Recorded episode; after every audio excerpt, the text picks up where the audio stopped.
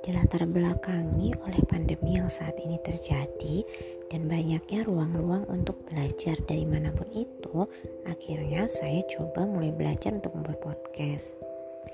Kenapa lewat podcast? Karena ternyata di podcast ini banyak juga loh teman-teman yang mencari bahan-bahan ilmu untuk belajar, bahkan untuk berbagi. Dan selama pandemi ini juga banyak sekali ilmu-ilmu gratis yang bisa kita manfaatkan. Oleh karena itu, saya coba untuk berbagi juga ya. Terima kasih.